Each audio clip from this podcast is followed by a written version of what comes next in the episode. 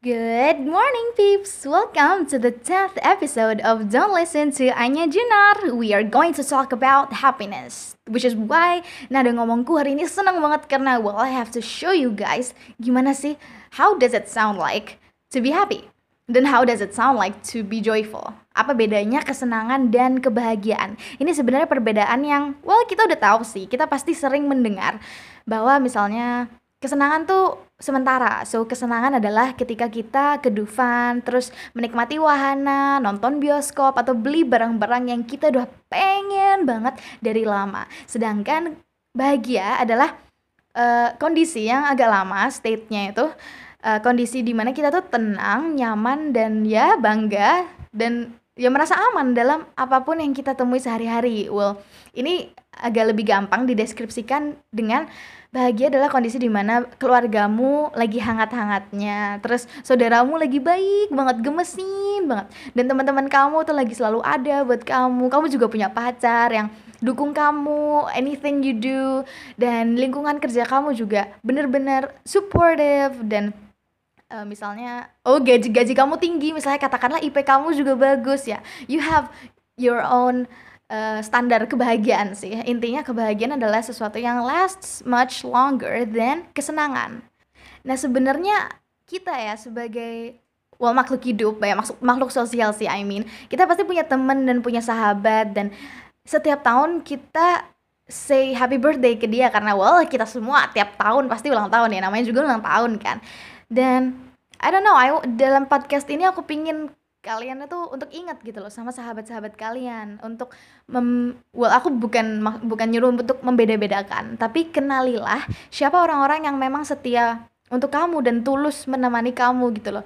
The true friends gitu kenalilah mereka gitu loh. Dan appreciate the more. Terima kasihlah kepada mereka dan nggak harus secara bilang terima kasih gitu juga sih. Tapi bisa juga dengan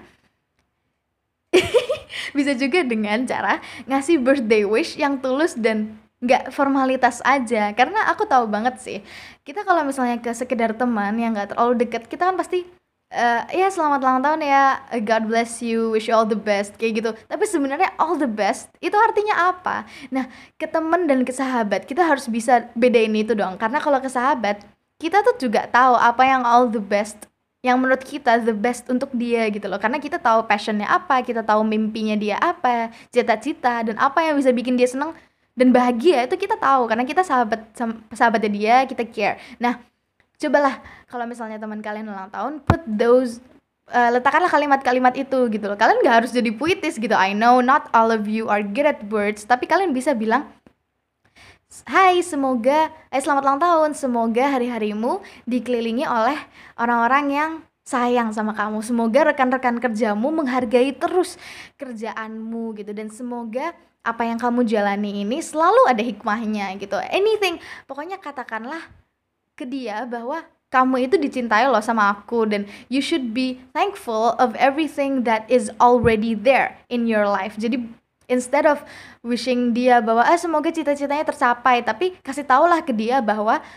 kamu tuh udah bahagia loh cita-citamu tuh sebenarnya udah tercapai apa yang kamu lakukan sekarang is good gitu and you are already on track jadi kita ajak dia untuk berbahagia dan kita juga harus berbahagia. Kita sendiri juga harus menunjukkan ke dia kayak gimana kelihatannya orang bahagia itu kayak gimana. Kita harus bersyukur juga dan ada hal yang perlu diingat ya tentang bedanya senang dan bahagia adalah kita itu sering kebaliknya. Rawan kebalik antara senang dan bahagia adalah ketika kita sedih. Jadi justru saat kita galau, kita kan menghibur diri kita sendiri nih antara dengan belanja atau main game atau jalan-jalan itu terserah caranya kita punya cara sendiri-sendiri dan sebenarnya itu cuma mengobati hati kita sementara gitu nggak memberi ketenangan sama sekali sebenarnya kita cuma sembunyi dari masalahnya dan sebenarnya kita yang harus kita lakukan adalah mengobati secara permanen yaitu mengembalikan si kebahagiaan itu tadi dan caranya adalah dengan mengikhlaskan segala bentuk kehilangan, kesedihan, kekecewaan. Cara untuk mengobatinya adalah dengan tidak menjadi terlalu terikat pada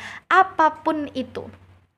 Which means tidak terlalu bergantung sama pacar kalian misalnya dan uh, tidak terlalu bergantung atau mengandalkan kantor kalian.